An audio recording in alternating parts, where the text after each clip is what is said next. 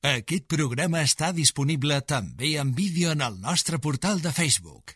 Ràdio Ciutat de Tarragona. Comparteix-nos. A continuació, 180 segons. El programa de debat de Ràdio Ciutat de Tarragona. Bona tarda i benvinguts de nou al 180 segons, un programa d'actualitat tarragoní que pretén debatre els temes candents i aquesta serà l'última sessió que farem eh, durant la temporada actual del 2020 i esperem repetir a partir del setembre. Uh, molt bona tarda, Robert. Molt bones, Òscar. Per Què fi tal? tornem a estar, encara que sigui separats, però en aquest cas junts al mateix estudi, en aquest cas de Ràdio Ciutat de Tarragona.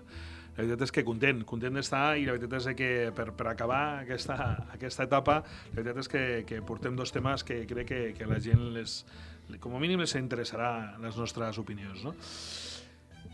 Hi ha un tema que és que de, de, després, dins de l'art municipal, la veritat és que després de la, de la crisi de, de, del Covid-19, no? si seran capaços de, de pactar per pal·liar aquesta crisi i de sumar esforços. No? I després un altre tema que ha sortit aquesta darrera setmana, que és 10 dies en aquest cas, que és la, la, en aquest cas eh, la, la decisió de, de l'alcalde Ballesteros, en aquest cas eh, versus el cas Inipro, de la, seva, de la seva possible dimissió o no de, respecte al tema de regidor. Bé, comencem, Òscar. Sí, comencem per l'última entrevista del Tribuna Tarragona, un programa d'aquí de la Casa de Ràdio Ciutat que dirigeix el Ricard Laoz i que va estar l'últim dia parlant amb, amb la- amb l'exalcalde, amb el senyor Josep Fèlix Ballesteros. I en aquest cas cal, eh, primer de tot, posar una llança no? de dir si la justícia espanyola, eh, que no és justa, ja ho sabem tots, eh, és justa per algú o és justa per ningú. Per tant, aquesta seria la primera cosa a tractar. I la segona, ell parlava de la dimissió, que hagués dimitit si hagués estat igualment eh, alcalde, i jo crec que aquí hauria d'haver estat més sincer i haver fet només dues legislatures, que jo crec que és el que hauria de dir els polítics quan estan en càrrecs d'alt nivell. Bé, la situació indubtablement ara es troba en una situació jurídica en la que, com tu ben deies, la justícia relativament és justa, amb la qual anirà molt en funció de com es puguin demostrar o no, en aquest cas, els, els fets, eh, en aquest cas del qual estan, estan acusats. No? És veritat que la situació no, no, no és fàcil per cap dels set eh, encausats en aquest cas que queden, però sí que és ben cert que segurament serà un tema administratiu al final en el que es quedarà. Um, per entrar en tema, jo crec que hi ha una cosa molt important, i és el fet de que es judicialitza la gestió de segons quins serveis o d'actes eh, de l'ens públic en lloc de fer-se'n responsables. Això és una cosa que no només passa aquí, que està passant a, a tot arreu a nivell estatal, i jo crec que és, és, és una cosa que hauríem d'arreglar immediatament. O sigui, el fet de que quan algú gestiona una cosa, malgrat ja no sigui amb el càrrec, haurien de fer-se responsables. Tots, o sigui, del partit que siguin i de l'activitat que facin. Um, I amb això també és el tema de pagar culpes, no? Si jo puc haver desenvolupat un projecte d'una manera eficient, doncs s'ha de reconèixer la vàlua de les persones que estan al davant d'aquest projecte i a la vegada, si es fa malament, escolta'm, es diu i, i, i, i, i s'acarrea con les conseqüències, no? que diríem d'una altra manera. I, per tant, eh, al final, el que tenim sobre el, el, el damunt de la taula és el cas Inipro i és per això que, que estem tots a, en, en aquesta pica. Bé, la situació indubtablement del cas Inipro, en el qual s'ha magnificat una situació en el qual és molt, no, no només molt probable, sinó que a més es quedarà amb una situació en el que serà una falta administrativa. Al final es va produir una situació possiblement anòmala a l'hora d'una concatenació de, de contractes, de serveis en aquest cas, en el que ja va quedar demostrat i palès de que aquestes feines estaven fetes, no sé si bé o mal fetes, indubtablement no sóc qui per poder-los valorar, però el que sí que és ben cert és que la gestió administrativa mai, mai se tindria que haver portat a judicialitzar. És cert que s'ha ficat de moda, és cert que hi ha certs grups eh, polítics que suposo que davant d'una situació de- de- d'indefensió per no tindre més suports, eh, en aquest cas, de, de, de vots i, de, i en aquest cas de regidors, han sigut capaços de portar això a la justícia. I la justícia, indubtablement, al final, eh, agafant la llei possiblement, eh, hi troba que hi ha una sèrie d'indicis que poden portar a, un, a una situació extrema com la que ha arribat a Inipro. Jutjar hem de jutjar la injustícia i hem de jutjar els delictes. Per tant, si hi ha injustícia o hi ha delictes, han de ser jutjats. Eh, sigui qui sigui i sigui com sigui.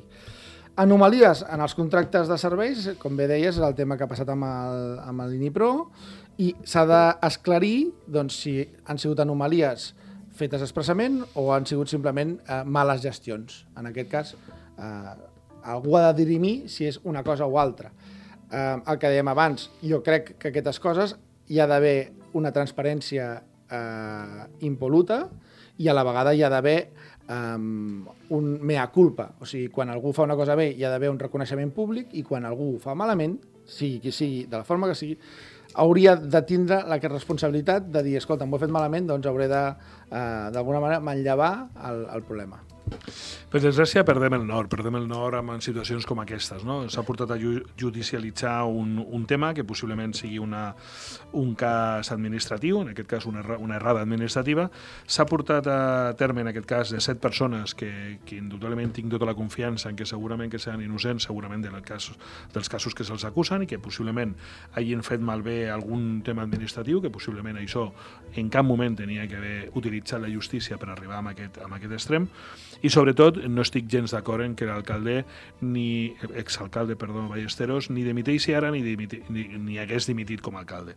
Jo crec que una acusació no deixa de ser com a mínim una acusació fins que no arriba una sentència en aquest cas i, i dins d'aquesta sentència hauríem de valorar de quina manera és aquesta sentència, llavors sí que crec que haurien de dimitir. Estic d'acord en que no és el que habitualment es fa, però estic d'acord que seria el que realment d'alguna manera passa. Vull dir, algú pot continuar fent la seva feina fins que no té una sentència que l'inhabilita per fer aquest tipus d'activitat. Podem parlar de moltes coses, eh? O sigui, en l'anterior eh, equip de govern hi han casos en pro i en contra de la gestió feta, poden ser INIPRO, Jardí Vaticà, els Jocs del Mediterrani, els gestors, la ciutat de la cultura, el posicionament de la ciutat eh, dintre del que és el marc estatal, el tema del turisme, són coses que poden ser vistes des d'un punt de vista positiu i un punt de vista negatiu. El que dèiem, les coses ben fetes haurien d'estar ben agloriades i les coses mal fetes haurien d'estar d'alguna manera eh, fiscalitzades. Fiscalitzades no vol dir judicialitzades, eh?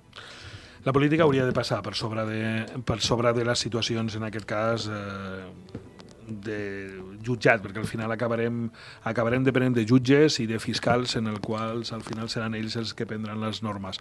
Jo crec que ja se fan unes eleccions, se fan unes eleccions lliures, se fan unes eleccions públiques i en aquest cas al final eh, ni tens quatre anys per poder-lo fer bé o malament. No? Si no ho fas bé, pues, t'acabaran eh, fent fora i si ho fas bé, pues, naturalment te renovaran la confiança. No hem de portar les coses a, al jutjat quan realment es poden decidir amb unes urnes. Molt bé, Robert, doncs tenim un altre tema que et den avui, que és el tema de l'art municipal i com pal·liaran el post-Covid, no? Com, com resolverem aquest gran problema que ens ve després de la pandèmia. Bé, es produeix una situació bastant, eh, bastant complexa, no? La veritat és que ningú es pensava que, eh, que primer aquesta pandèmia duraria el temps que ha durat i segon, en una ciutat com Tarragona aquesta pandèmia està deixant, suposo que a la resta de ciutats igual, però a Tarragona ho estem patint molt perquè una de les nostres fonts d'ingressos és el, el comerç, no? el turisme, el comerç, i la veritat és que aquí patirem molt. La veritat és de que sí que és cert que des del carrer reclama una unitat a nivell polític i una, una unitat a nivell, de, en aquest cas, de l'hemicicle polític de Tarragona. Tenim una pandèmia que encara és vigent, això s'ha de recordar, eh? o sigui, no ha marxat del tot, encara tenim casos i possibles rebrots i hem d'estar tots alerta.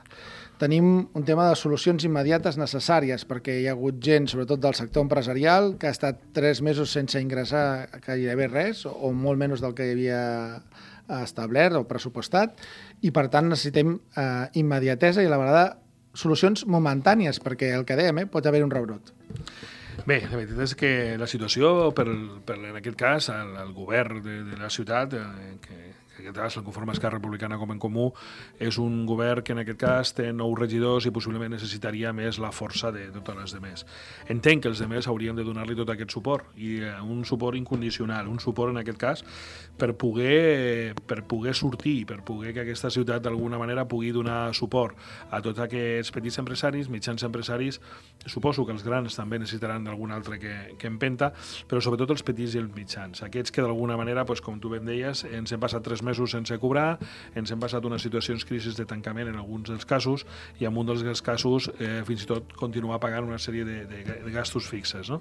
És molt important que des dels grups polítics, independentment de la seva ideologia i el seu color, eh, unin les forces i que en aquest cas siguin els 27 regidors els que creguin, els que creguin amb, amb aquest ciutadà que al final són els que han anat a votar i els que han donat el suport. No pot ser que el partidisme estigui per sobre de les solucions. Eh, no pot ser que tinguem blocs que primen el seu interès per sobre de l'interès eh, comú de la ciutat. Tenim grups de comunicació que apoyen a uns o que fan de megàfon dels altres. Tenim eh, persones que estan dedicades a vanagloriar a uns i perjudicar els altres. Jo crec que està clar que el Bloc Nacionalista Espanyol el que està és intentant fer electoralisme perquè han de fer caure doncs, el nou govern espanyol, eh, la campanya de l'Unidos o el tema de la gestió feta amb el Covid. No? També tenim el bloc independentista amb el tema de les eleccions a la Generalitat de Catalunya i del que pot comportar a caire de ciutat o a caire de país. I tenim el govern de la ciutat entremig eh, amb, amb, amb un equip que és feble de 9 persones, però que a la vegada ha de realitzar una gestió del problema i, entre altres coses, també intentar complir amb les promeses electorals. Jo aprofito per demanar que en aquest cas els grups municipals es dediquin ara mateix a les situacions en les que tenen per tocar, a tocar la del dia a dia. No? Jo crec que no han d'entrar en cap manera de, ni en grups independentistes ni en grups nacionalistes. Indudablement tots eh, tenen un, un règim, en aquest cas, de partit, en aquest cas els nacionalistes i els catalanistes, però sí que estic d'acord en que al final hem de sumar tots els... Eh, hem d'unar esforços. La situació que estem patint ara és una situació completament anòmala, una situació extraordinària que no es tornarà a veure o espero no tornar-la a veure mai més i, i espero que d'alguna manera els, els polítics d'alguna manera els que els representen aquests 27 regidors eh, entenguin que ara és el moment d'unar esforços segurament que gestionant de moltes maneres però no es trobarà mai mai un suport de la ciutadania com el que se trobarà ara. ara. La situació jo crec que és extrema, hi ha gent que, que les cues de gent que no té per menjar cada vegada són més llargues, els containers de brossa cada vegada hi ha més gent i jo crec que ara és el moment moment de sumar, no mai de restar. Eh, com bé deies, Robert, eh, situacions extremes haurien de ser el primer de solventar, eh? però tenim quatre grans temes amb els quals hem de portar el nostre granet de sorra. El comerç, el turisme, l'oci i la indústria. Necessitem solucions. Necessitem, com a administració pública, facilitar que aquesta gent pugui tindre eh, un marc de treball eh, fàcil i un marc de treball adequat a les circumstàncies. I, per tant, hem d'agilitzar gestions, hem d'agilitzar tot el que convingui dintre del que és el marc competencial de, del, del nostre Ajuntament. I a la vegada superimportant és que la nostra gent es trobi reforçada i tingui les garanties de que els serveis mínims i que les necessitats estiguin completament eh, garantides. Bé, no hi passa enrere. La veritat és que des d'aquí exigir, exigir que siguin capaços d'unar esforços. Eh, me consta que el Partit Socialista ja ha donat, eh, en aquest cas, l'apertura. Me consta també que el, el grup de PDeCAT també. Eh, no sé la resta, però espero i desitjo que tant el Partit Popular com la CUP, en aquest cas, siguin capaços de donar aquests passos. I torno a repetir, segurament que hi haurà moltes coses que no estarem d'acord, però ara no és el moment de fer crítica, ara és el moment de sumar. I quan passi tot això, ja, ja tancarem i ja veurem si les coses s'han fet bé o se podien haver fet millor. Però com a mínim hem d'intentar entre tots intentar-ho per fer-lo millor. Dinàmica de sumar. La dinàmica ha de ser d'intentar trobar solucions i segur que tothom té maneres diferents de fer-les, però que com a mínim es, de, es debateixin i que aquestes, doncs, les millors o les més adequades eh, surtin a la palestra i puguem eh, decidir entre tots quina és aquella que s'escau millor per la ciutat, doncs hauria de ser d'aquesta manera. Aprofitar també el, el, el problema i trobar del problema una solució. El fet de que tenim espais que estan infrautilitzats o serveis que no s'havien fet bé fins ara, que això serveixi per millorar-los. Importantíssim.